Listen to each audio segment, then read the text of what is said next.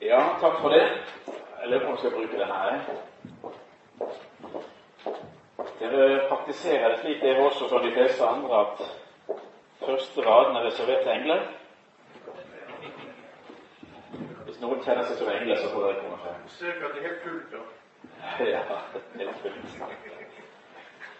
Det er veldig hyggelig å bli invitert på sommerstevne til FVØ. Eh, Jeg har vært innom tidligere, og her skal vi si et passivt medlem. Jeg har ikke vært så aktiv i FPV, men eh, jeg identifiserer meg med det meste av det dere står for og utgir og publiserer. Så det er veldig kjekt å få være en del av miljøet også. Og vi kom jo opp her på fredag på en fantastisk flott dag. Og jeg kom på underveis også at jeg hadde vært gift i 66 år. Det var ikke så mange av dere som trodde kone har vært gift i 33 år, og jeg er 33 år, så det blir 66 til sammen.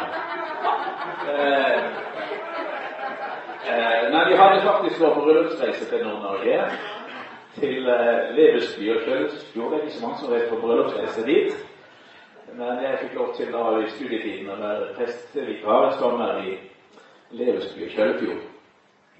Der jeg møtte det nordnorske kristenliv, og ikke minst også lesbianismen på nært hold, slik jeg ikke hadde møtt den tidligere. Og det var kanskje spesielt den førstefødte retninga.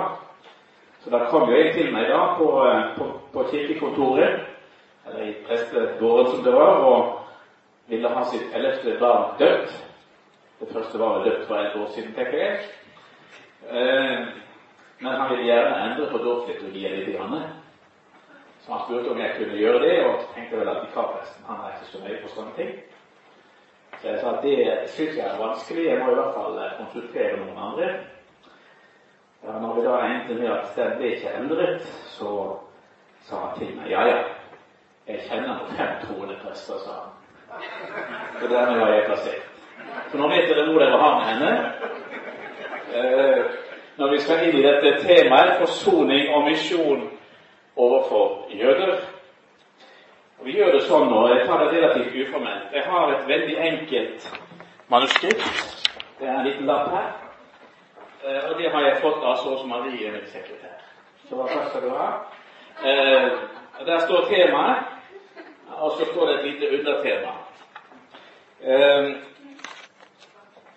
visjon, eller forsoning og misjon. Forsoning kan jo, dette kan jo forstås på litt ulike måter. Det går an å forstå det i et historisk perspektiv. Altså hvordan skal vi forholde oss til det jødiske folk med den historiske bakgrunnen vi har, som eh, kultur, som kirke, ikke minst, som eh, Europa? Eh, fordi vi vet jo at gjennom historien så har det skjedd mye vondt og mange overgrep i forhold til det jødiske folk. Det er vel kanskje det temaet som vi kommer til å dvele mest ved. For den undertittelen som vi har fått, det er 'Hvordan kan vi som kristne drive misjon blant jøder når kristne har gjort så mye urett mot dem?' Ja, har vi det? Ja, vi kristne? Det er også en utfordring. Kan vi identifisere oss med det og si 'vi'? Eller skal vi la det ligge og si at det hører den til? Fortiden til. Og Det er også noe av problematikken her. ikke sant? Kan vi, kan vi si at vi er en del av det? Eller skal vi bare si at nei, det var de som ikke var virkelig kristne? Eller det var de andre?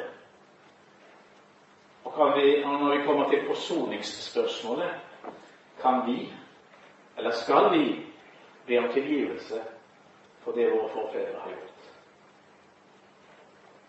Eh, det er et av de spørsmålene som vi gjerne kan samtale om også. Bare bryt med underveis. Men så har vi også et vi kunne kalle det hermeneutisk eller teologisk problemstilling her. Sant? Hvordan skal vi forholde oss ikke kanskje først og fremst til antisemittisme, men til den måten vi som kirke har lest tekstene, forstått bibelteologien på, når det gjelder forholdet til Israel? Eller israelologien, hvis vi skal bruke et vanskelig ord. Altså læren Guds lære om Israel. Hva betyr den? Hvordan har vi forstått den? Hvordan har vi tolket den? Er det noe der vi trenger å forsones med, eller tenke nytt om? Det er også en innfallsvinkel. Og jeg tenker jo at disse to tingene, det historiske og dette hermeneutiske, det henger veldig nøye sammen. Særlig når vi snakker om Kirkens forhold til det jødiske folk. For er måten Kirken har lest Bibelen på, som også har ført til det vi ofte kaller en antijudaisme. Noen vil kanskje si antisemittisme i Kirkens historie. Vi kommer selvfølgelig tilbake til dette. Og så kan vi også ta et mer sånn sosiopolitisk vanskelig ord. Altså det sånn mellommenneskelige og aktuelt perspektiv på forholdet mellom Kirken og jødene. Hvordan skal vi forholde oss til jødisk folk i dag? Hvordan skal vi forholde oss til dette at jødene har bygd en nasjon i dag? Jeg må jo innrømme at du skal ikke si veldig mye om Israel før det kommer både spørsmål og innvendinger. Det er sterke meninger blant kristne, eh, ikke minst blant evangelikale kristne, om det som har med Israel og Israels nasjon å gjøre. Og så har vi selvfølgelig også spenningen mellom skal vi si, den vertikale og horisontale forsoningsdimensjon. Hvordan ses disse i sammenheng med hverandre? Så dette at Gud er en forsonet Gud, og hvordan skal dette leves ut i vår verden? Hvilke tekster er det som handler om det ene, og hvilke tekster er det som handler om det andre? og Hvordan kan disse tingene holde sammen? I Israelsmisjonen har vi begynt å jobbe litt akkurat med det spørsmålet, fordi vi jo er involvert også i forsoningsarbeid mellom jøder og palestinere. Eller rettere sagt israelere, palestinere, jøder og arabere. Eh, hvordan kan vi på en måte legitimere det ut fra Skriften som Israels misjon? Et spennende prosjekt som vi har satt i gang nå, som eh, vi skal forhåpentligvis finne ut av for å være sikre på at vi går i rett retning. Så det er noen av de spørsmålene som henger sammen med dette. Men vi rekker ikke alt på en time nå. Og særlig ikke hvis dere har innfødte spørsmål, og det regner jeg med dere har. For nå må dere bare sette dere på prøve. Og dere må gjerne være uenige med det jeg sier også, for den saks skyld. Men la meg starte med en liten episode fra pinsedag i Israel. Eller pinseaften var det. det var, jeg har gudstjeneste på sabbaten. Og jeg var på gudstjeneste i Immanuelkirken i Tel Aviv sammen med en svensk broder også. Så vi var på reise sammen i Israel. Og jeg kom, eh, så i, i døra på kirka at det var en kar som sto der og kikket inn. Han våget seg ikke inn, og det er ikke sikkert vi hadde slått han inn heller, for han hadde en hund med seg. Men eh, etter gudstjenesten så traff jeg han utenfor eh, porten til kirka. Der satt han med sin Han hadde to hunder, faktisk. En fange og en ved siden av seg. Det var åpenbart hans venner. Litt ensom kar, men han presenterte seg som historiker. For meg så det nok ut som han ikke hadde noe hjem eller noe arbeid. Men det første han sier til meg, det er jo dette. Hvordan kan dere kalle den religionen dere tilhører, for kjærlighetens religion? Han hadde åpenbart fått med seg det. Når det har gjort så mye vondt mot oss jøder gjennom historien. Det var hans umiddelbare kommentar og reaksjon til meg. Og sier jeg da, som Israels misjonær? Jo, jeg kan selvfølgelig si at jeg har ikke gjort det imot.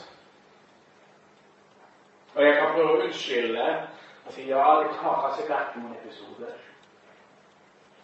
Men selvfølgelig har det det. Og det er en utfordring hvordan vi på en måte skal møte en jøde i en sånn situasjon som har disse spørsmålene. her. Og jeg måtte jo si til ham ja, du har rett i det. Det har skjedd mye urett mot dere. Men prøv å flytte litt på å se Tenk, det er ikke slik vi ønsker det skal være. Kanskje er det litt annerledes. Nei, sa det er ikke annerledes. Det er samme i dag. Se på kirken, sier han. De misbruker barn. De misbruker penger. De er penger. Han tenkte selvfølgelig primært han på det, det som han kjente som kirke, nemlig den romersk-katolske kirke. Der har de sine rikdommer og eiendommer. Hvordan forvalter de det? Så han var ikke særlig begeistret heller for slik Kirken opphørte seg å leve ut sin etiske standard i vår egen tid. Så vi fikk en samtale om Men jeg ble også fort stoppet fordi det kom noen ivrige misjonærer fra nabomenighetene. Og de tilhørte da en organisasjon som heter Jews for Jesus, jøder for Jesus, som er veldig provokative i sin evangeliseringsform. Eh, så de startet umiddelbart å prøve å omvende den stakkars unnskyld uttrykket, jøden som satt der, eh, som nok var en ensom jøde. Og ble, De ble mer og mer aggressive i tonen, han ble mer og mer sint på det. Han sa dere vil ikke akseptere meg. Så det gikk etter en stund. og Jeg prøvde jo da å snakke litt videre med han og sa at eh, Prøv å se bort ifra kirken. Prøv å se litt mer på han som vi tror på, på Jesus, der han var. Hvordan han oppførte seg. Men han ville ikke høre så mye snakk om det. Så det endte med med at jeg måtte spørre ham til slutt kan jeg få lov å be for deg. Tenk at det kan jeg i hvert Gud. Nei, sa han, jeg tror ikke på bønn. Og han ville ikke ta meg i hånda engang. Så der endte den samtalen. Så det er ikke alltid at verken generalsekretæren eller andre misjonærer er særlig vellykket i sin tjeneste. Men så møtte jeg ham igjen på kvelden. Da satt han på en benk i en park.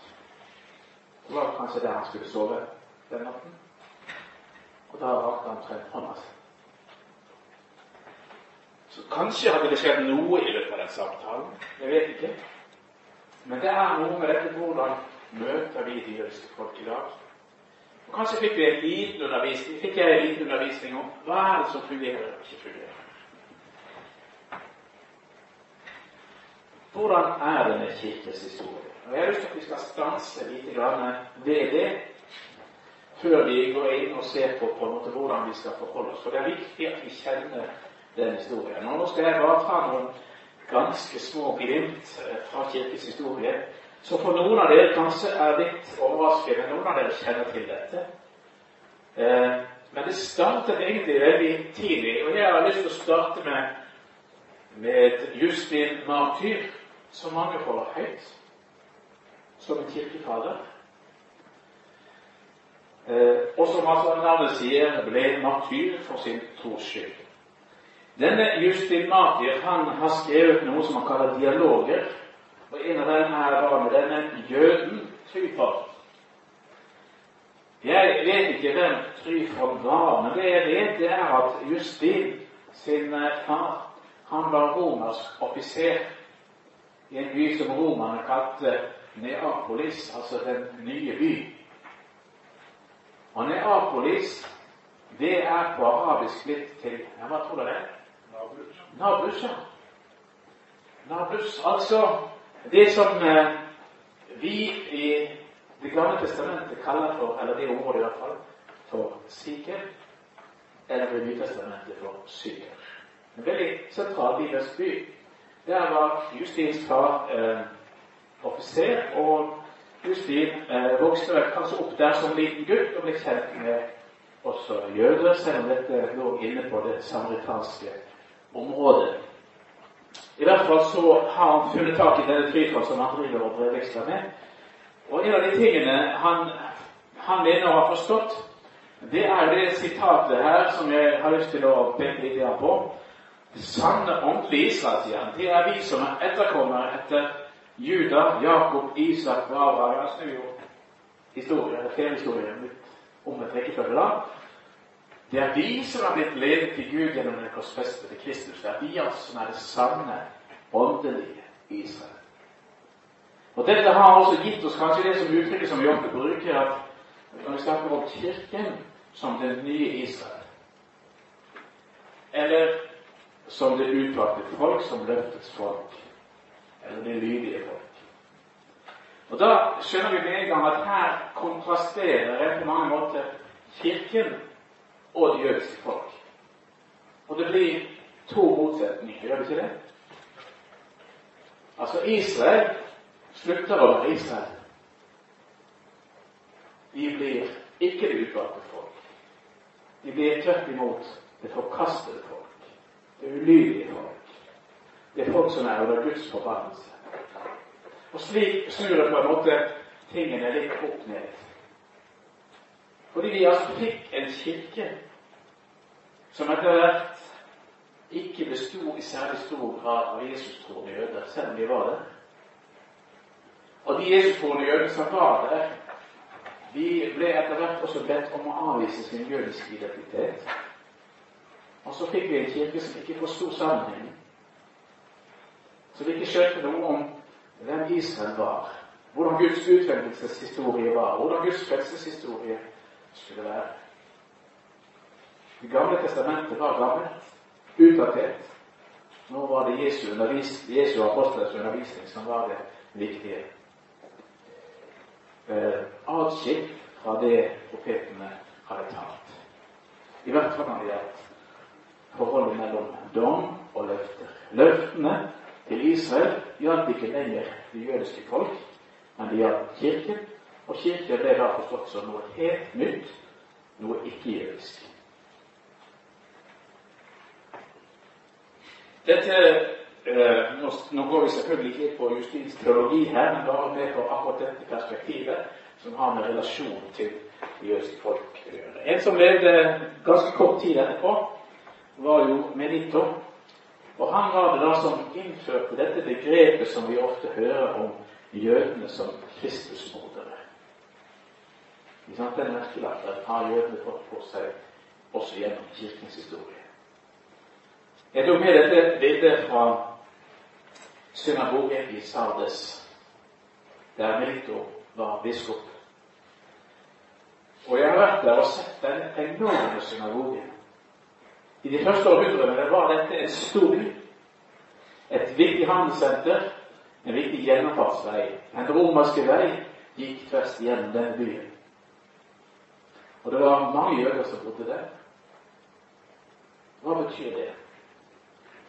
Jo, det betyr sannsynligvis at det også var en god del Jesus-troende jøder. Og det er ikke tenkt at de også var en del av synagogfellesskapet, men etter hvert kanskje ble bortvist og dannet sin egen gruppe, sin egen menighet av Jesus-troende jøder, eventuelt sammen med ikke-jøder. For det vet vi også skjedde, at jøder og ikke-jøder hørte til den nye forsamlingen, den nye menigheten. Det leser vi også om i Det nye testamentet. Og de berører andre steder. Om jøder og ikke-jøder som fant sammen i troen på Israels Gud og troen på Jesus Messias. Men Lito, han, det er jo særlig hans påskepreken. Den første kjente påskepreken som er blitt stående der som et eksempel på hvordan Melito anklager jødene. Men det som er interessant med Melitos påskepreken, er jo at han ikke bare anklager jødene, men at han bruker Israels historie som bakgrunn for påskens drama. Altså utfrielsen fra Egypt. Hvordan Gud frir folket ut som et forbilde på hvordan Gud har fridd ut fra syndsmakt, fra syndslaveri over sitt liv. Så Melitov han går inn i en jødisk eksegetisk tradisjon, så å si, med å anvende og utvikle jødenes egen historie. Derfor er det noen som har tenkt hmm, Kanskje å selv var en Jesus jøde. Som tilhørte kanskje denne menigheten, som var litt, litt utvist, men som likevel fikk tale imot og som nettopp der fikk tale imot synagogen. Som man da opplevde som de som på en måte hadde falt, de som hadde sviktet, de som ikke var lydige. Men da blir også ordene til Melito annerledes enn om du og jeg skulle tale. For da er det en jøde som taler til sine egne. Da er det en del av den indre jødiske diskusjonen.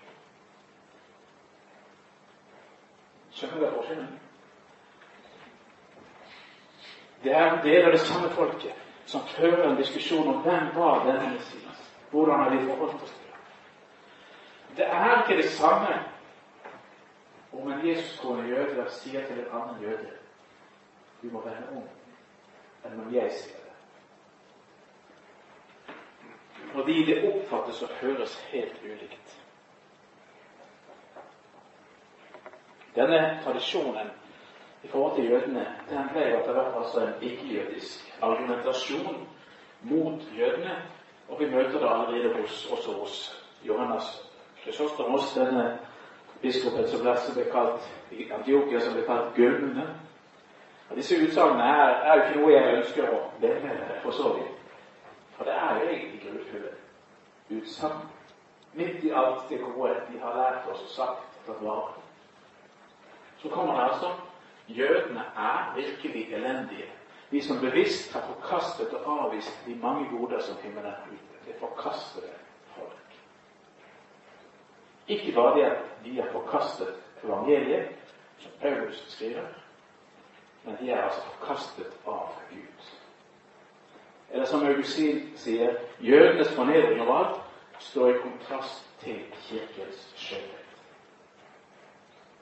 Der igjen ser vi altså kontrasten, motsetningen mellom Kirken og jødene. Denne splittelsen har altså ført til dette motsetningsforholdet, som også verbalt har opp disse utsagnene. Fordi Kirken har mistet sin jødiske identitet.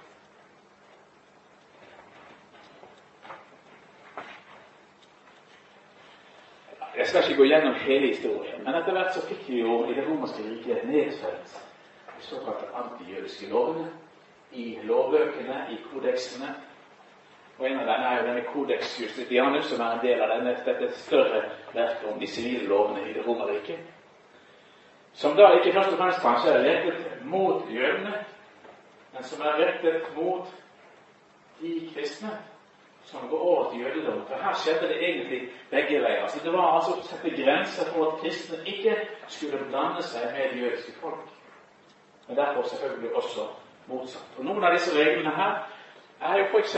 dette at hvis en jøde forleder en kristen til å vende religionen ryggen, altså konvertere til jødedommen, ja, så skal denne jøden straffes med døden.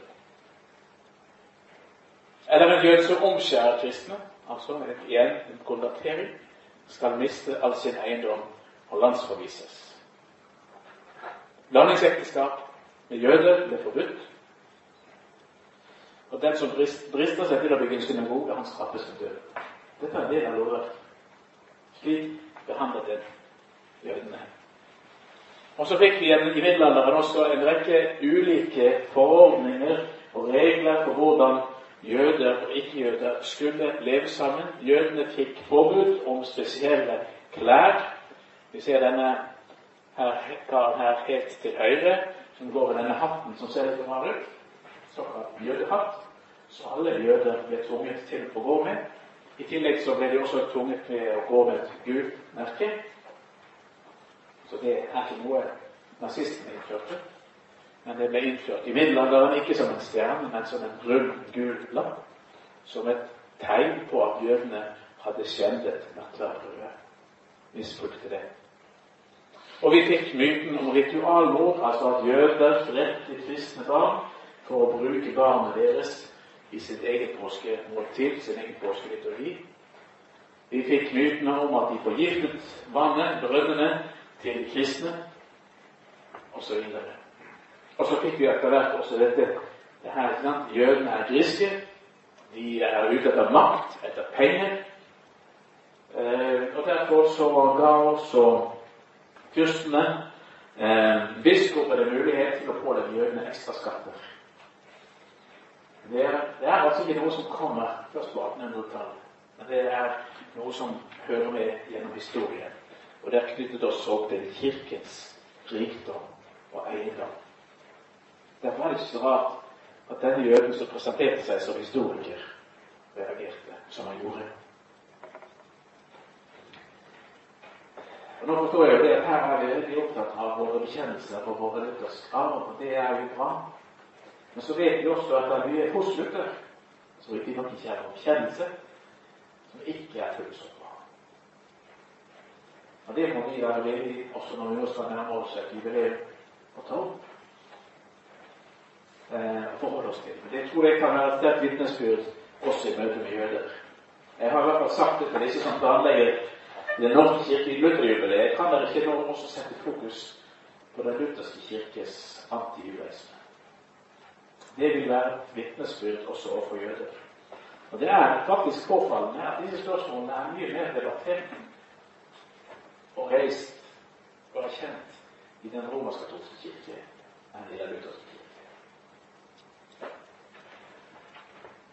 Men Luther skriver altså i dette skriftet om jødene og deres løgner.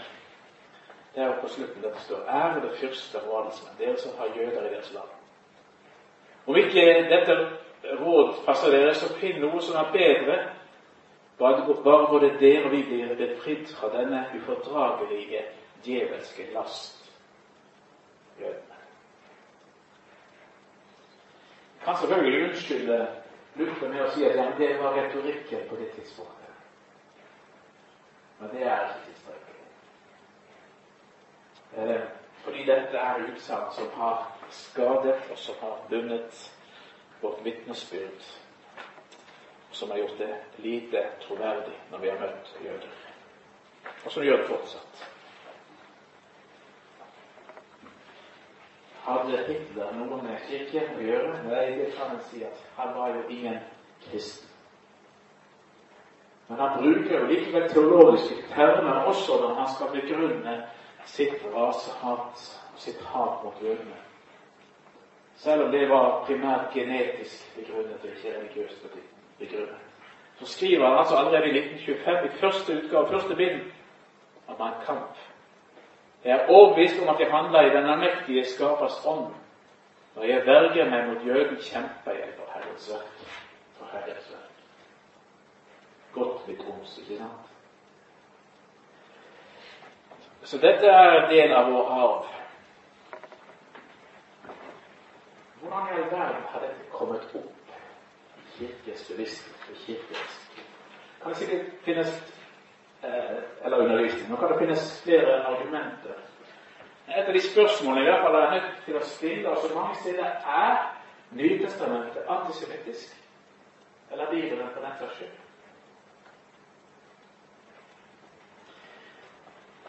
Det er jo et begrep som er særlig fremtredende i Johannes teologi, eller Johannesevangeliet.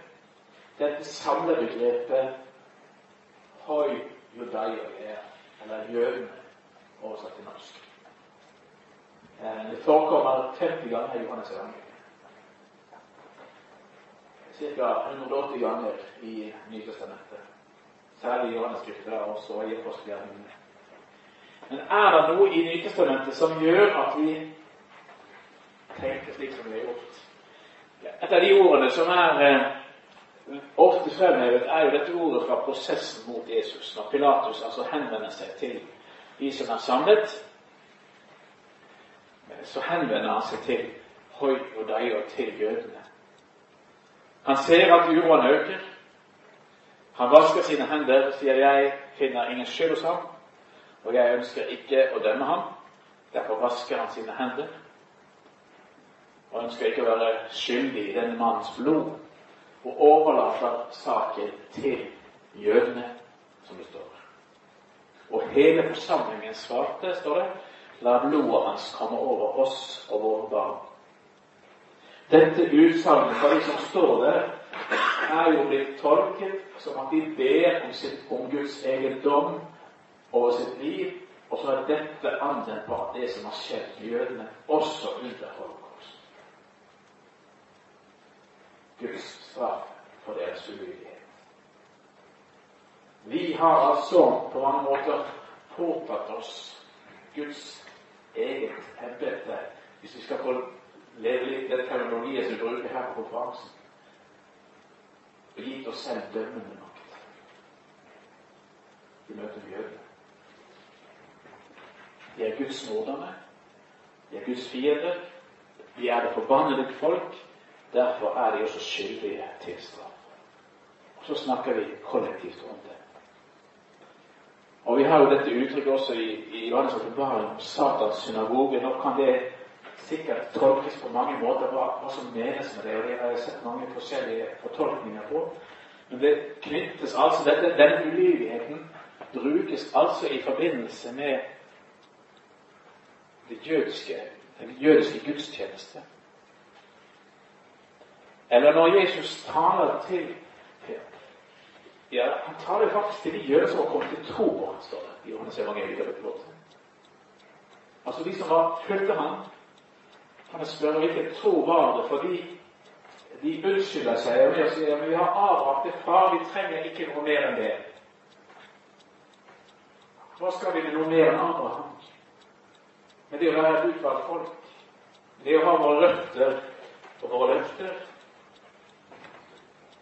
og går inn i den argumentasjonen og sier at ja, hvis det har Abraham til far, så hadde de trodd på meg, så hadde de hørt på meg, så hadde de fulgt mine bud og mine ord. Det er bare jeg som kan sette dem fri. Så sier han altså på slutten her dere har djevelen til far. Johannes evangeliet som har dette med. Og dere vil gjøre det deres far og dere vil gjøre det deres far ønsker. Han altså djevelen som har vært en morder fra begynnelsen av og står utenfor sannheten finnes ikke sannhet i. Det er han bare ikke gjør. Det er et sterkt ord. Er det slik vi skal tale til jødene? Ja, det er jo Bibelens ord. Vi må jo tale som Bibelen, må vi ikke det? Jeg tenker at de samtalene Jesus har med skriftlærere, med fariseere, med sadukere, er altså en del av den interne teologiske debatt mellom rabbinere, mellom jøder og styrkelærere. Jesus sa er det. Han kom ikke utenfra. Og Derfor ble dette også forstått annerledes. Når Kirken tar disse ordene i sin munn, så er det den som kommer utenfra med dommen og forbannelsen. Så vet vi også at det var mange av disse også, i hvert fall noen av dem, som kom til tro på Jesus.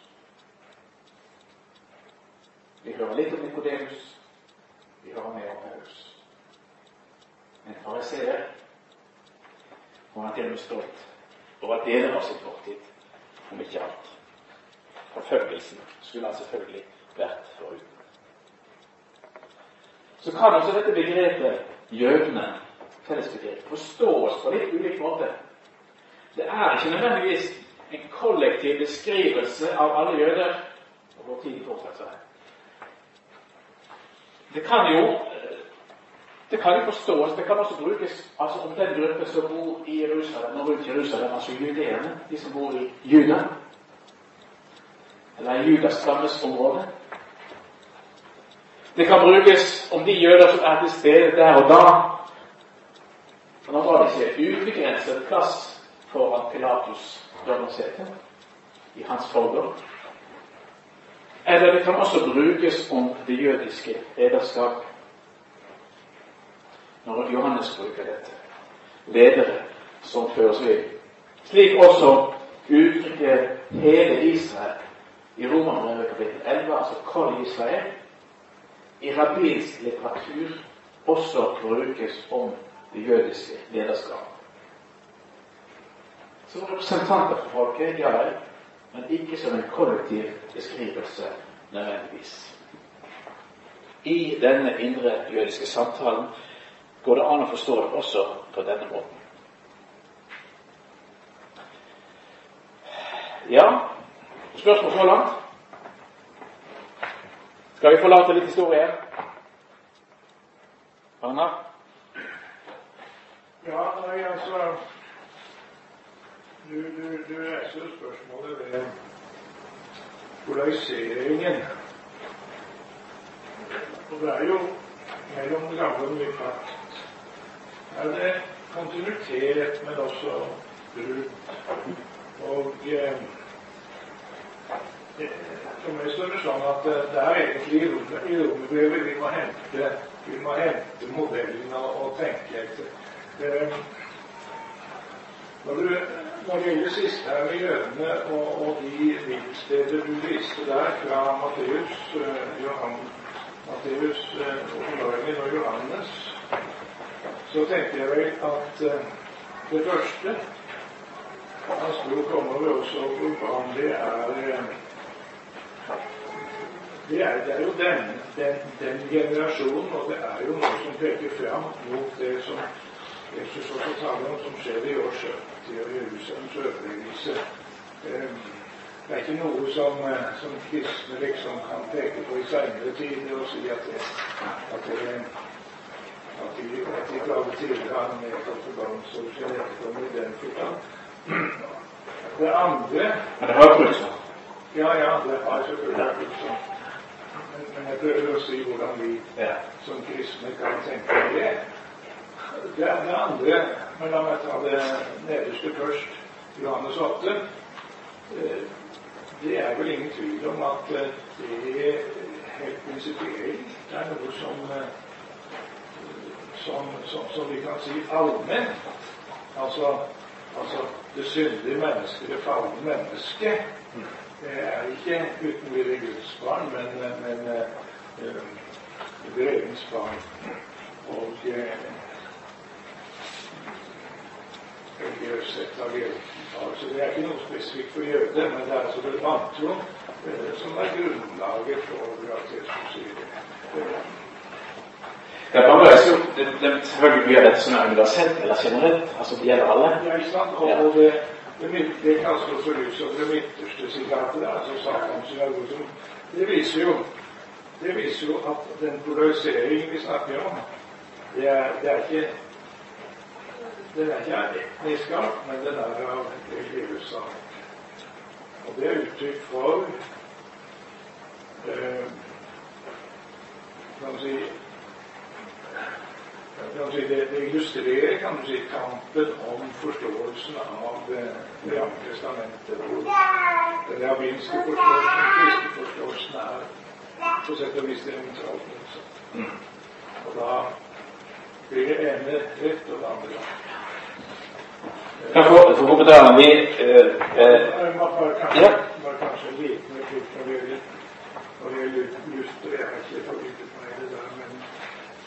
men, det er nok, eh, det er nok eh,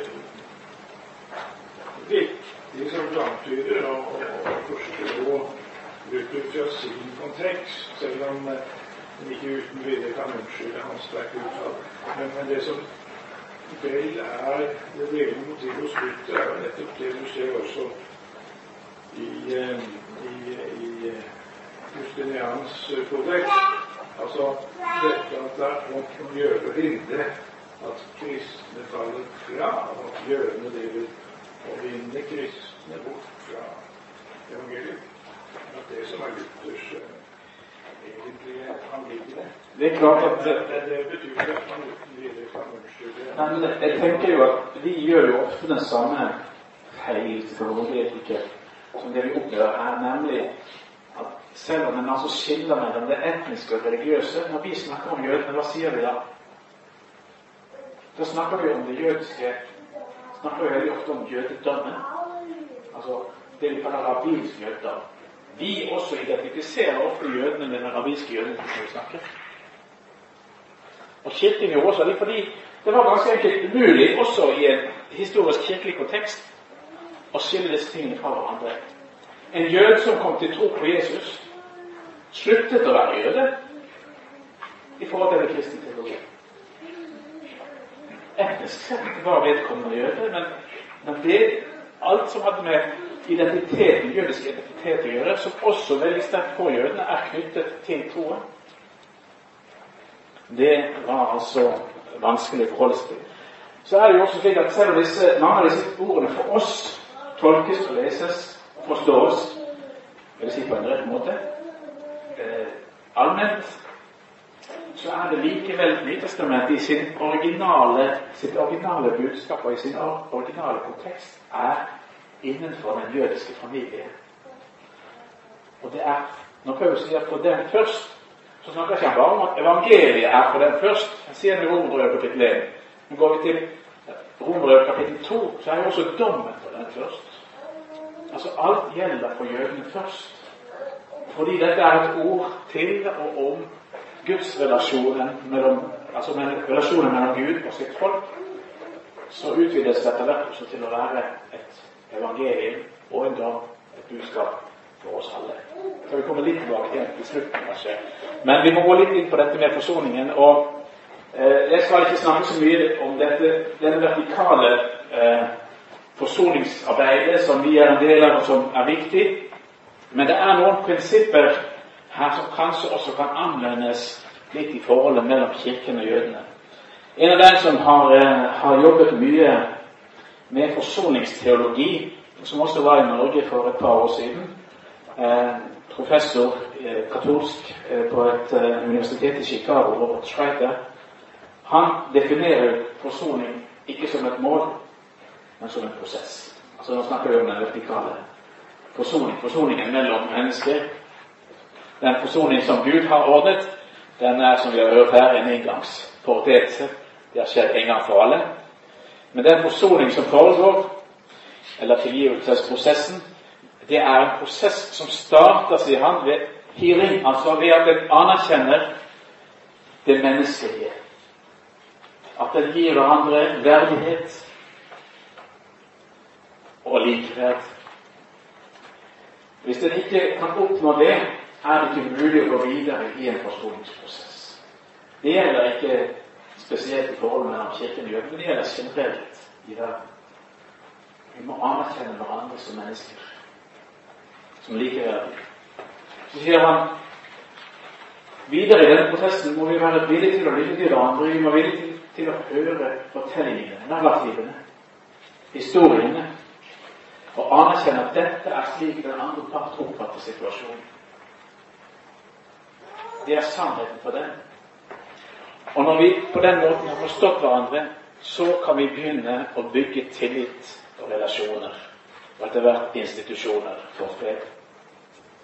Så kan vi da, og det tar lang tid, han ofte i slike konflikter, starte med det som har med tilgivelse og eh, unnskyldninger eller bønn om tilgivelse. Kan dette anvendes på noen måte? Ja, I forholdet mellom Kirken og jødene så finnes det jo flere modeller for hvordan en prøver å bygge nye relasjoner.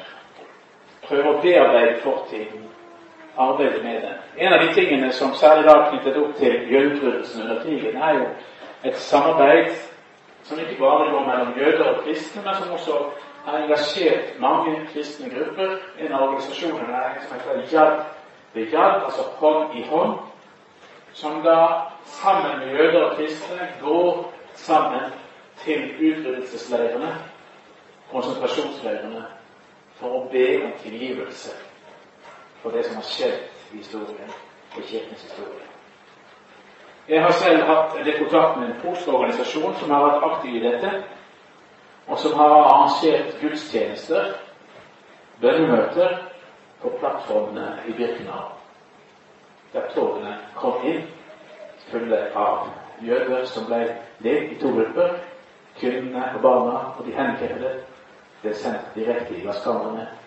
Menn som var arbeidsføre, ble sendt til arbeidsleiren så lenge de klarte det. Det var, har vært deres måte å be om tilgivelse på vegne av. I Israelsmisjonen har vi tre forhold som jeg tenker også er på sett og vis knyttet opp til personen. Vi har sagt at vi ønsker å dekke til ansvar for jødene. Det betyr for meg at det er en viktig målsetting, et viktig forhold for oss, at vi lærer jødenes historie å kjenne. At vi er med på å bryte ned eller forklare, eller ikke bortforklare, men forklare hva som har skjedd, og det at vi er villige til å ta kampen opp mot jødehat. Ikke bare fordi det er et generelt rasehat, men det er også fordi det rammer Jesu fysiske brødre og søstre, det jødiske folk. Det er en viktig side ved forsoningsarbeidet mellom kirken og jødene. At vi også viser at vi står sammen med dem. Det er eh, jo litt Altså Kanskje noen syns det er rart, men en jøde som kommer til meg, en norsk jøde, som sa det er jo mye lettere å forholde oss til dere i Israelsmisjonen enn til mange andre kristne, sa vedkommende. En jødisk leder i Norge. Vi er jo dypt uenige med dere. Vi liker jo ikke at dere driver misjon. Men det er jo dere vi kan stole på i kampen mot antisemittisme. Jeg tenker at det er eller det å forsvare oss. Det jo, eller som en annen sa, det er dere som har kunnskap om jødedommen. Altså om jødisk tradisjon og jødiske riter osv. Hvilket er ansvar for jødene? Er det det som er forsoning? Det står også i vårt formål at vi vil vise kristen kjærlighet. I går fikk jeg mail fra vår kontakt i Romania. Vi støtter messiansk menighet i Bucuresti. Han hadde vært i en by som ligger lenger nord, i Yash. Der jerngarden i 1942, i løpet av to døgn sommeren 1942, drepte 12 000 jøder i en brannvogn. En av dem var en av Israelsmisjonens lokale misjonærer. Nå hadde de markert denne, dette, denne hendelsen Og de livstroende jødene fra Bucuresti hadde reist opp for å være en del av denne markeringen, som ikke var en spesielt kristen markering, for å vise solidaritet med dem. Ja, Feinstein ble drept fordi han altså var med på å redde jøder. De tok ham, de førte ham ut i gaten. De fant at han hadde et norsk flagg på skrivepulten sin.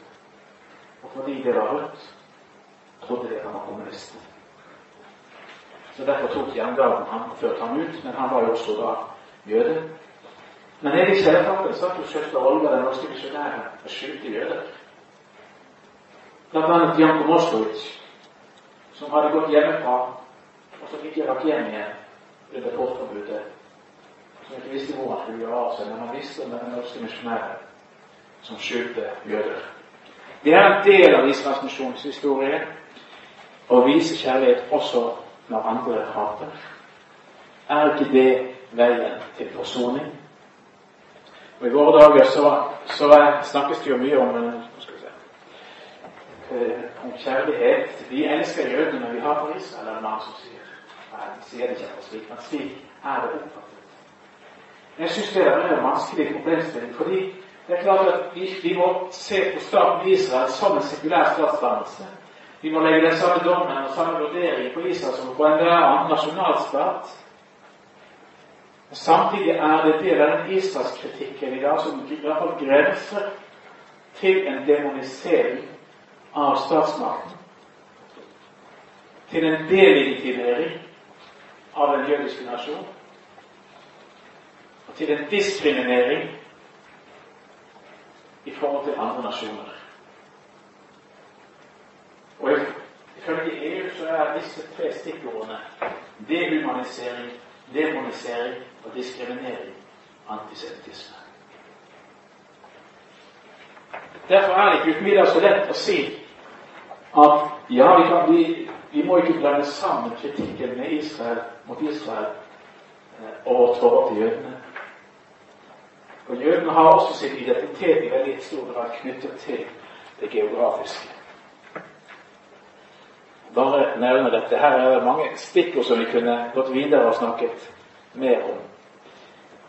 Men for oss er det altså ikke tilstrekkelig i vår relasjonsbygging til det jødiske folk, i vår bearbeidelse av historien, i vår forsoningsprosesser, å bare forholde oss til historien eller antisemittismen eller jødenes ve og vel. Vi må også forkynne evangeliet. For hvis vi ikke gjør det, kan en som sier at da er vi jo virkelig antisemitter. Da gjør vi jo virkelig forskjell på Israel og andre. Hvis vi forkynner evangeliet for alle andre ikke gjør det for jødene, det er antisemittisme. Åndelig antisemittisme. Da holder vi tilbake for jødene det som er vårt eget. Ikke alle vil være enig i det, men her sier jeg ja og amen. Takk for det. Det er slik vi tenker, og jeg skal prøve å utdype dette litt. Men det er altså en prosess også som vi er nødt til å gå inn i. En bekjennelse, en erkjennelse, en omvendelse. Men det skal lede også til handling. Nå tenker dere at dette her er frelsens orden. ikke sant? Men det, er også på mange måter eh, eh, ja, Jeg vet ikke av det som vi kaller det fietister her, men dette er også varmt for relasjon til jødene. En type ikke, Er det på latin? Salutis oris, altså det, er, det er på en måte en, en prosess også i vårt forhold til Israel. Noen stadier vi går gjennom. Kan ikke møte, heller ikke som misjonsorganisasjon, det jødiske folk med evangeliet uten denne erkjennelsen. Jeg kunne ikke snakke med denne jøden pinsedag utenfor Emanuelkirken Tel Aviv uten å ta ham på alvor i hans følelse, i hans reaksjon, i hans oppfatning av hva som har skjedd. Karian kan gjerne kalle det apologitikk, men det er også for meg en erkjennelse at jeg tilhører altså en tradisjon i Kirken som har noe å bekjenne. Og jeg må også erkjenne hvordan min relasjon er til dette folket i dag. Og I den erkjennelsen hører det også med at Israel ikke er forkastet. Etter min mening hører det med. For Gud angrer ikke sin utførelse. Har Gud forkastet sitt folk? Hennes dere. Hva svarer Paulus på spørsmålet?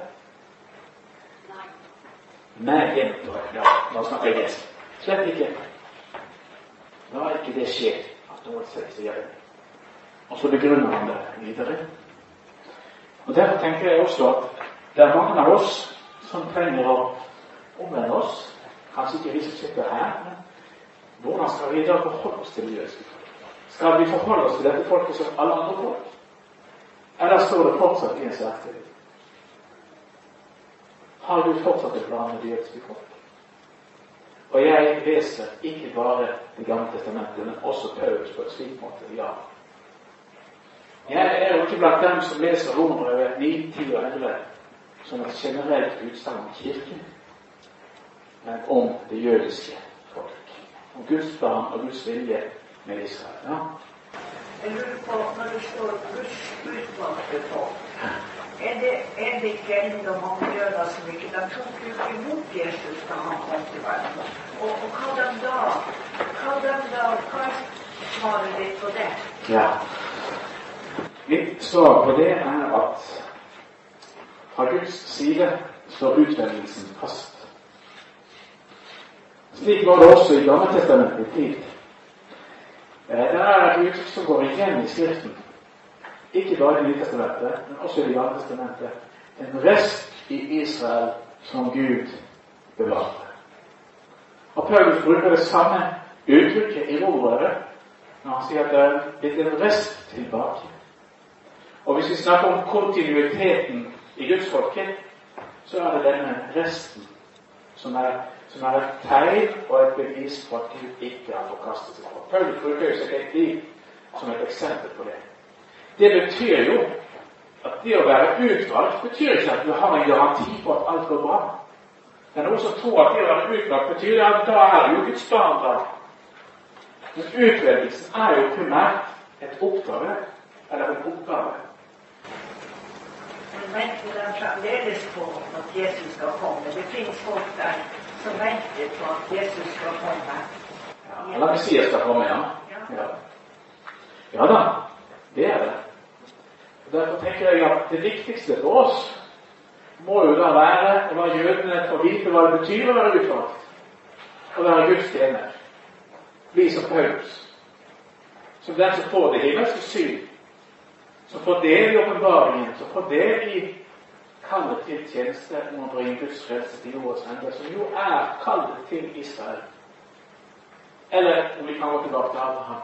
og være til velsignelse både for eget folk og for folkeslagene.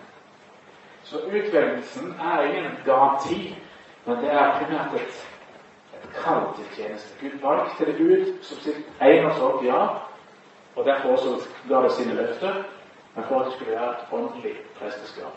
Amen. Kan jeg stå? Stå. Ja, nei, men eh, Nei, men det skal ikke være sånn utfordring. Dette er bare utsikten. Men eh,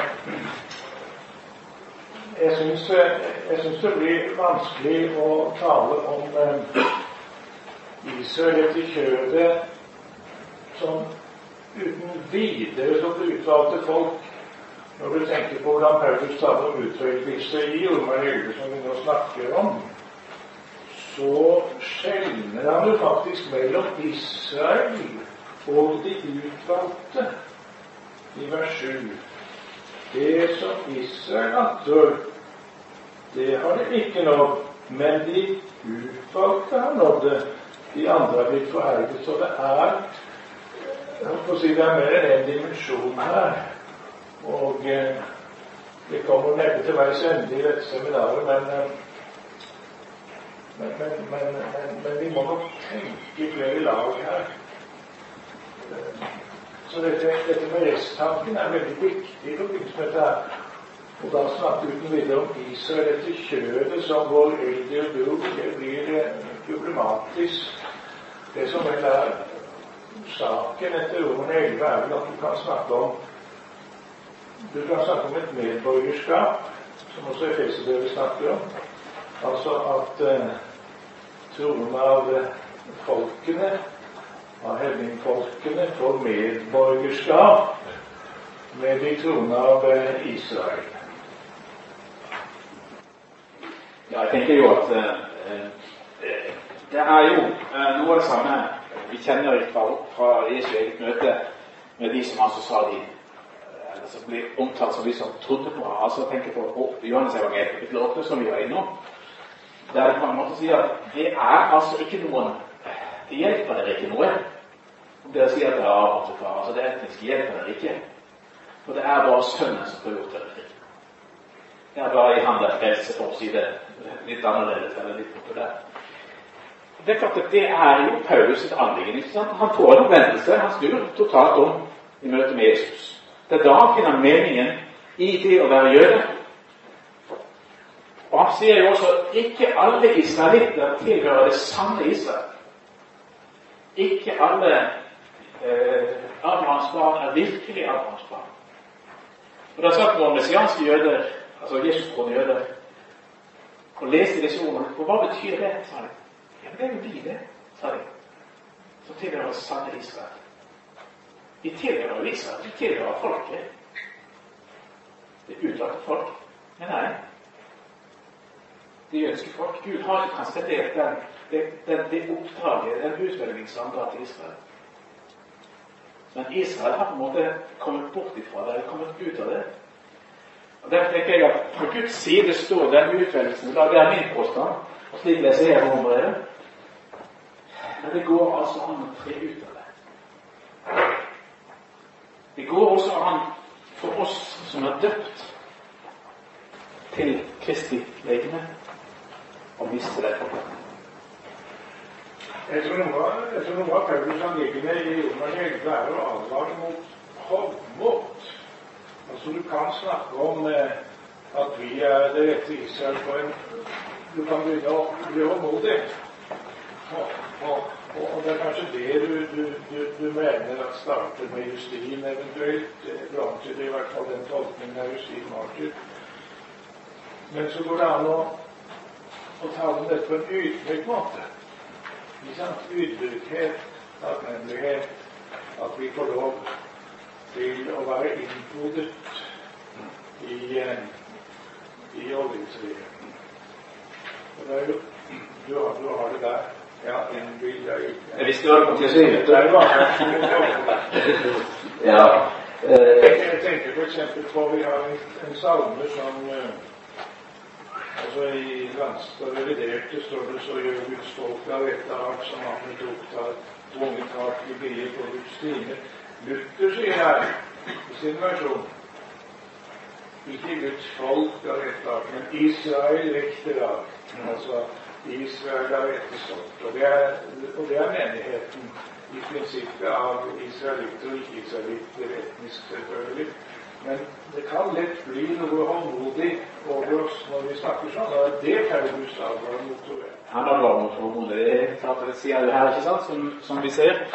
Eh, nettopp fordi Men jeg ser det nettopp på teksten at da skriver Paulus til menigheten og sier nå må ikke vi tenke som så. Eh, i, i, når vi leser disse kapitlene, at det er slik at Gud er ferdig med Israel. Og Jeg leser også Romerbrevet 11 og de løftene som ligger der om det, skal vi si, det etniske Israel.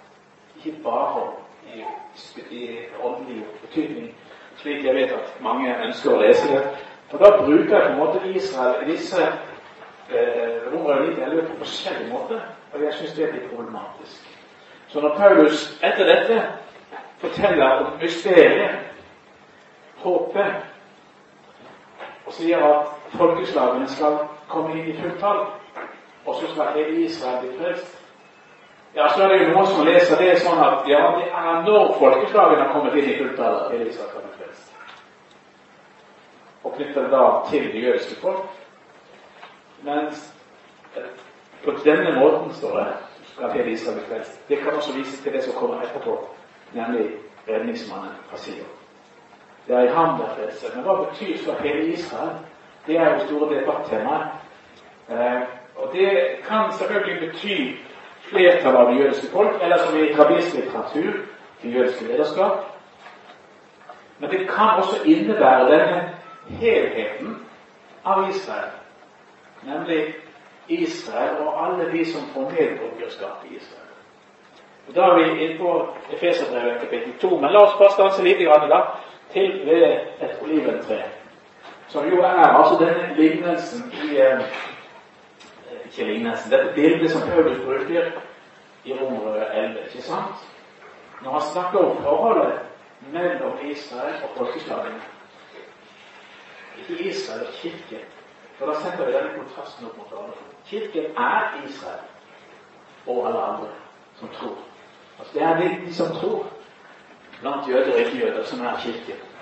I utgangspunktet så var det en jødisk menighet. Hva skjer, sier Paulus, altså med dette treet, dette gudsfolket? Og Følg nå nøye med på bildet. Så dere hva som skjedde? Skal vi ta det en gang til? Noen av grenene ble kuttet av. Og jeg tok bare med noen. Sannsynligvis var det mange flere. Altså, de som tilhørte tre gudsfolket, ble kuttet av. Dermed mistet de jo forbindelsen med kraftkilden, næring, de døde. Det er det som skjer med Israels avvisning.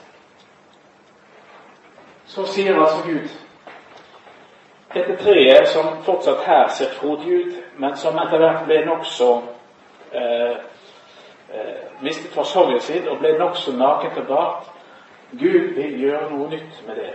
Nå skal dere følge med. Han poder inn i sant, ville grener på dette treet. De som ikke tilhørte Israel, de som ikke hadde løfter, de som ikke hadde noen Gud. Du og meg som ikke er jøde, han og når du får del i løftene til Israel. Ja, alt det Israel har. Alle deres fortrinn paktene, gudstjenesten, fedrene, løftene. Kristus. Men så stopper altså ikke Paulus historien der. Og det er det som er viktig for meg å understreke. Historien stopper ikke med at du og jeg får dele Guds velsignelse og Guds løfter i gudstjenesten. For Gud har også makt til å pode inn igjen de avgudne grenene. Det er fortsatt en fremtid for Israel. Så kan vi spørre hvordan skjer så det? Jo, noen vil si at det skjer ved Guds eget inngripen når alle folkeslagene har kommet inn. Når menigheten er rykket bort, altså i tusenårsriket. Det er en måte å se det på. Så kan vi bare sitte her og vente. Ja. Slik tenker ikke apostelen, tror jeg. Og jeg er ikke så sikker på at han venter på et eller annet etter menighetens opprykkelse heller, jeg, da. For Paulus var det jo viktig for synagogen nå. Å vinne sitt eget folk nå, først og fremst. Husker dere han i synagogen i Etiopia, i, i Pisidia, der han altså underviser til sabbater på rad. Folk blir jøder og de som er tiltrukket av Israels gud, altså grekere eller andre som som finner Israels Gud i synagogen, og som eh, blir tatt av Paulus undervisning. Så sterk blir tilstrømningen og vekkelsen i Antiokia at synagogeforstanderen blir redd at her kommer Paulus til å ta over hele menigheten. Så han bestemmer seg derfor at Paulus må bort eh, ut av synagogen. Og Paulus eh, svarer der med å si det var nødvendig for meg å komme til dere først. Forkynne evangeliet for dere først. Men siden dere avviser det, vender jeg meg til hedningene. Hvor går Paulus da? Husker dere historien? Til eh, Troas og til hedningene. Paulus drar til Lystra og Derbe. Det første han gjør, det er å gå inn i synagogen og forkynne evangeliet. Han ble ikke ferdig med dette. Han måtte først dit. Og I Lystra vet vi, der kommer jo inn i en familie der mor er jøde, men Jesus troende. Far er greker, og de har en sønn som er opplært i den nye tro. Og Paulus spør er han omskåret, og hvor er jøden? Nei, han er ikke det. Så Paulus omskjærer denne gutten. Og allting så tar han med seg på reise. Denne unge gutten som har plassert kanskje i den tøffeste tjeneste som en kunne få, nemlig som leder av en menighet i Jesus. Der ligger Timotius. Min sønn, kaller Paulus ham. Så Paulus, For ham var det viktig både å ta vare på denne jødiske identiteten, men også å gå til dem som var avhugne, for, for at de også skulle poles inn igjen. Det finnes selvfølgelig mange måter å se på forholdet mellom Kirken og Israel, hvis vi skal kontrastere det igjen. da. Er det ikke to Guds eller er det ett? Det var kanskje det spørsmålet du tenkte litt på. Er jødene fortsatt Guds folk? Fordi veldig mye av teologien handler om det at Israel og Kirken er to Guds folk. Det er sikkert noen av dere som er, som eh, er fortrolig med begrepet erstatningsteologi. Eh, jeg er ikke så veldig begeistret for det begrepet av ulike grunner. Men vi går jo ut på dette at Kirken har erstattet Og Kirken blir jo da forstått som en ikke-jødisk. Har erstattet de jødiske folk som Guds utvalgte folk. Jeg bruker altså her med kontrastteologien og, Augustins uttrykk på mange måter. Eh, jeg tror ikke det er slik Bibelen tenker. At Gud så å si hadde en tid for Israel, men ved Israels avvisning, som da ikke var total, av Jesus, så startet ut et nytt folk. Eller plantet et nytt tre, så å si, uten røtter. Det var på en måte det som førte Justin litt på villspor, tror jeg. At han tenkte slik. At det var et nytt tre som var plantet. Men et tre uten røtter, det står ikke særlig sterkt i stormen. Og det får heller ikke noen nære til dør. Derfor er det viktig å vite hvor vi har våre røtter. Den andre måten å tenke på er jo det som gjerne kaller for topartsteologien. At Gud har på en måte en pakt med Israel, og så har han en annen andre folkeslag. Israel har sin vei over Sinai, er det en som sier, mens Kirken har sin vei over Golgata. Det er flere som har sagt det. Men hvem har Gud sluttet sine pakter med? Det var innenfor Israel det skjedde.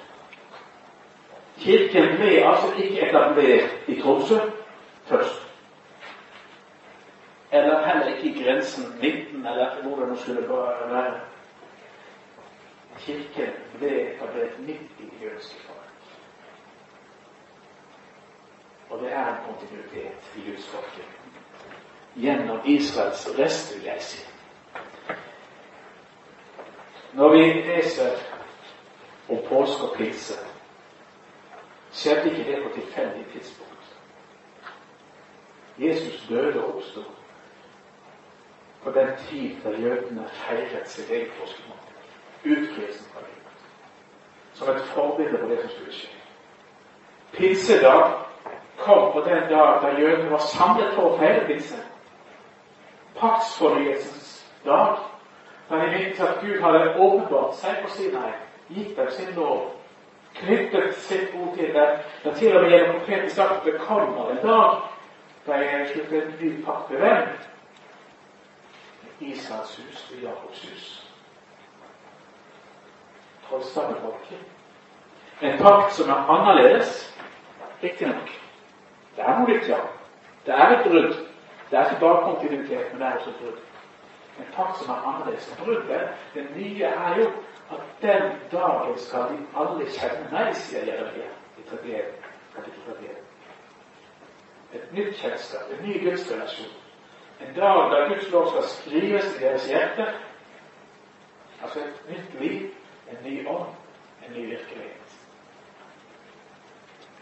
Så det er dette som skjer på pinsedag i Jerusalem. Ikke det at de snakker et språk som, som er forskjellig, eller at de hører noe tunger som er annerledes.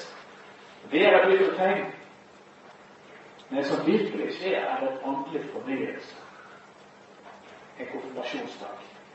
Da Gud bekrefter sitt nærvær, sin pakt med Israel, og da knytter folket til seg på nytt sier nå skal dere være mitt folk og skal kjenne dere.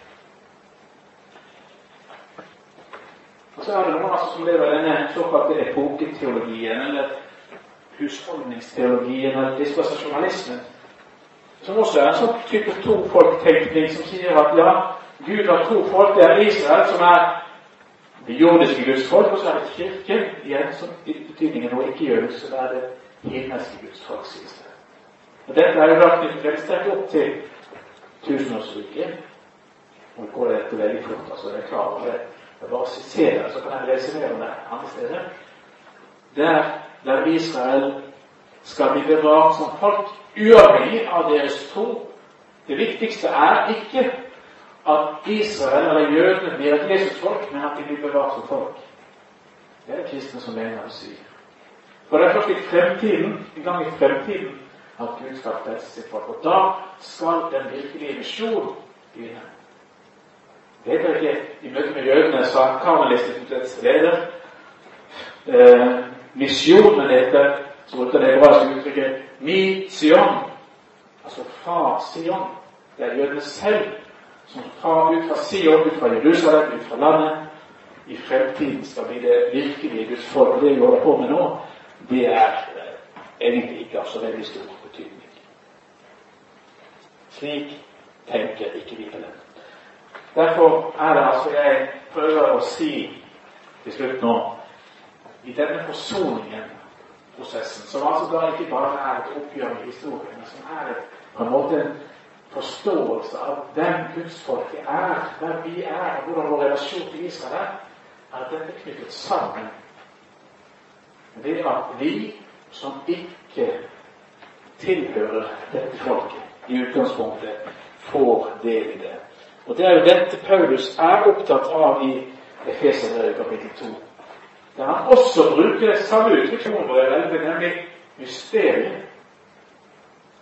Han bruker det mange ganger i Efeserbrevet, helt fra begynnelsen av. Hvordan begynner Efeserbrevet?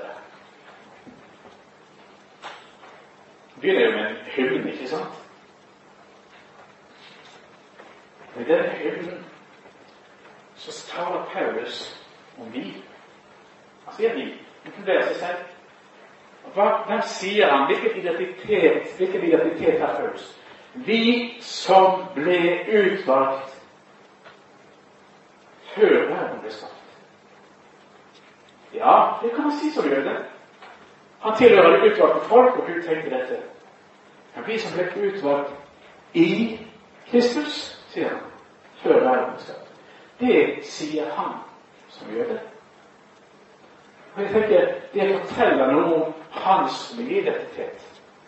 At han som tilhørte Israel, det utvalgte folk, han så først og fremst meningen og dybden og virkeligheten i utvelgelsen i lys av Kristi forsoningsverk. En ny virkelighet. Det er der Israel finner meningen i hva det vil si å være Guds utvalgte folk. Og Derfor er det så viktig at Israel lærer Jesus å kjenne. Og hvis ikke, så er det meningsløst for dem å kalle seg utvalgte folk. Være lys for folkeslaget. Hvordan skal det kunne være det? Hvordan skal det kunne bringe Guds frelse til jordas ende hvis de ikke kjenner Jesus? Så Israelsmisjonen handler ikke bare om å gi Jesus tilbake til jødene, altså ungdomsbevegelsen som vi sier det 'return to sender'. snakker engelsk i dette. Men det handler også om folkeslagene. Israel har kraft til å være med i denne bevegelsen. Til slutt, nå er tiden snart kvelds. En god venn av meg, Avi Snyder, som leder er Jesus for jøder og leder Jews for Jesus, jøder for Jesus i Europa, han har bodd en periode i Tyskland. Da bor han i Budapest. Han eh, fortalte om et møte han hadde med en tysk kristen, som sa det veldig mange tyskere sier det er umulig for oss å forkynne evangeliet på jøder. Det har ikke troverdighet. Kanskje var det noe av det jeg møtte hos denne karen utenfor Tel Aviv, i Mannekirken.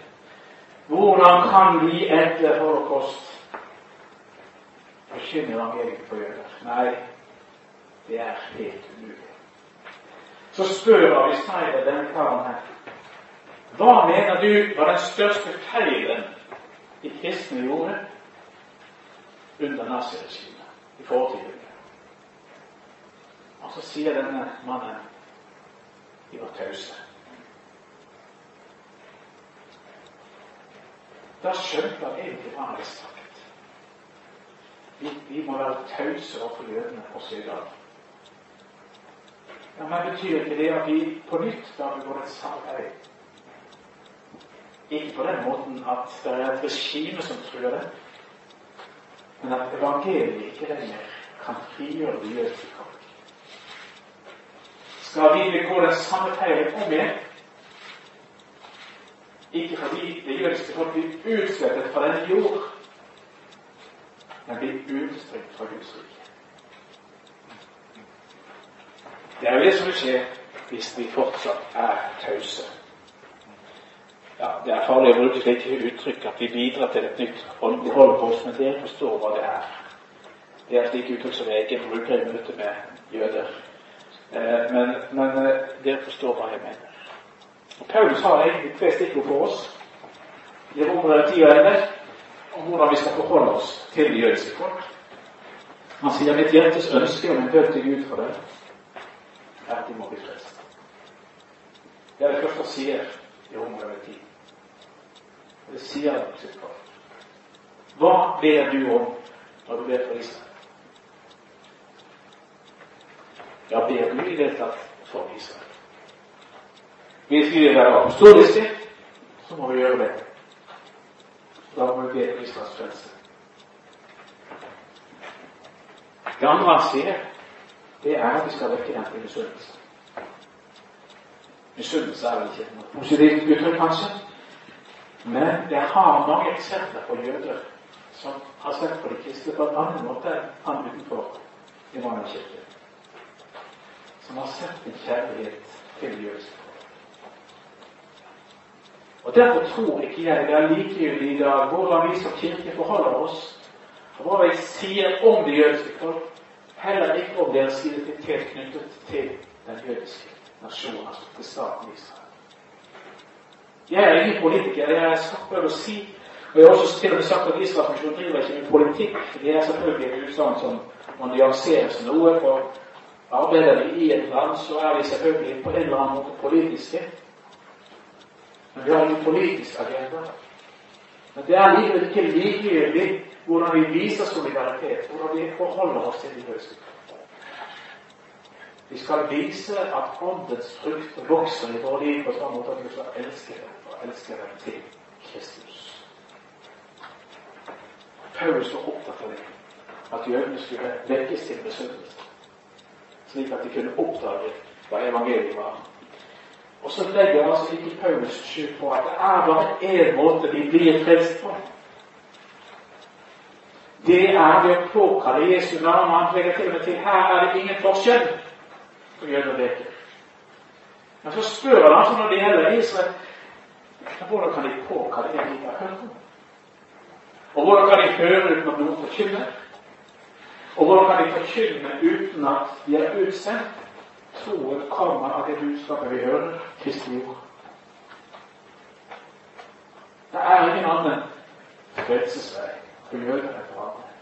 Eller for å si det på en annen måte Du og jeg har ingen annen frelsesvei enn den jødiske.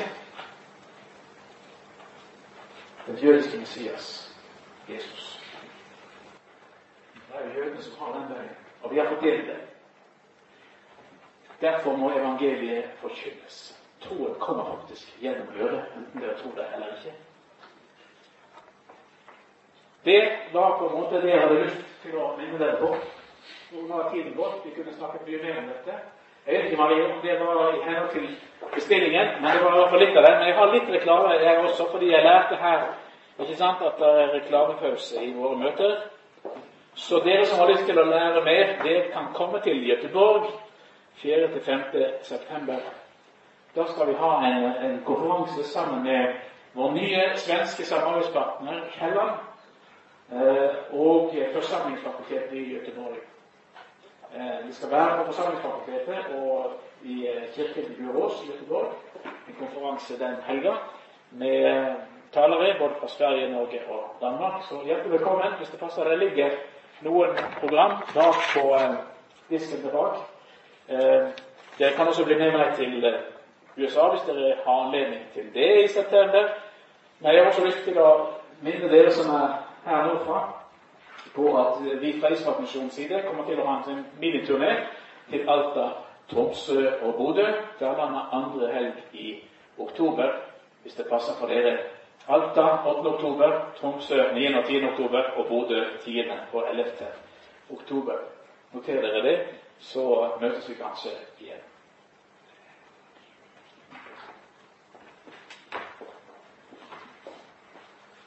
Ja, jeg kan absolutt si Ja. Eh, Jag tänkte på det eh, citatet från Justinus martyren i början. Nu vet jag inte eh, i vilket sammanhang citatet var hämtat ifrån och han kanske hade en felaktig förståelse eh, kring det här, inte vet jag. Men citatet som sådant tyckte jag inte var något märkligt som du lyfte fram där. Att han menade att Israel är kyrkan. För det sanna Israel, Guds Israel, är ju kyrkan, som Paulus kallar det. Paulus kallar ju kyrkan för Guds Israel i Galaterbrevet 6, 16.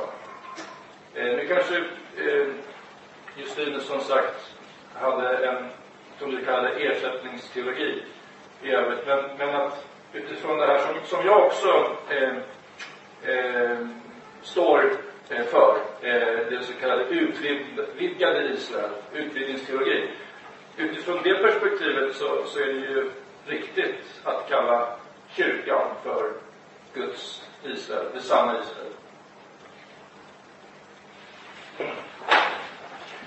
Det henger jo veldig mye sammen med hvordan vi forstår Kirken eller Kirken. Eh, og jeg tenker at den tradisjonelle forståelsen er jo denne kontrasten, altså at Kirken er noe annet enn Israel. Og dermed så ekskluderer Kirken og gjør det til noe ikke-jødisk. Altså En ekskluderer fra, eller ekskluderer jødisk fra Kirken. Mens jeg er mer opptatt av å si at Kirken er i, sine, i, i sin egen identitet jødisk. Og her hadde ikke Justin den bakgrunnen. Derfor tenkte han annerledes også om det jødiske folk. Altså en, en, Derfor har Kirken tenkt annerledes om hvordan en jøde for eksempel, som kommer til tro, skal forholde seg til sin fortid. Eh, og Det tror jeg lever fortsatt videre i vår forståelse ofte. At Kirkens identitet har ikke noe med den jødiske arv å gjøre. Eh, I hvert fall så er det veldig diffust hva det betyr. Når en, tenker på de sterke motsetninger i synet på Israel som er blant kristenfolket, så blir man jo glad for den eh, nøkterne innstillingen jeg vil kalle det, som Israelsmisjonen har. Og den eh, tydelige betoningen av at evangeliet må forkynnes for jødene. Er takknemlig for å høre. Og selvfølgelig kan vi diskutere enkeltheter sånn. Men eh, du nevnte at Paulus taler om mysterium, og det er mysterium og, og Det er i grunnen godt vi, eh, vi skal, det skal, det skal også på den måten at det skal minne oss om å ikke være for snarere til å tro at vi har forstått alt her. Men vi skal holde Bibelen oppe når samtalen over blir Takk. Takk skal du ha for det. Det er, det er riktig. Vi skal ha ydmykhet i forhold til at vi ser stykkevis og delt, og det er mye vi kan lære av andre. Samtidig som Paulus sier at dette mysteriet det er åpenbart for ham. Så han har åpenbart sett noe som vi skal lære av ham flott. Tusen takk. Tusen takk til Gunnar, og tusen takk for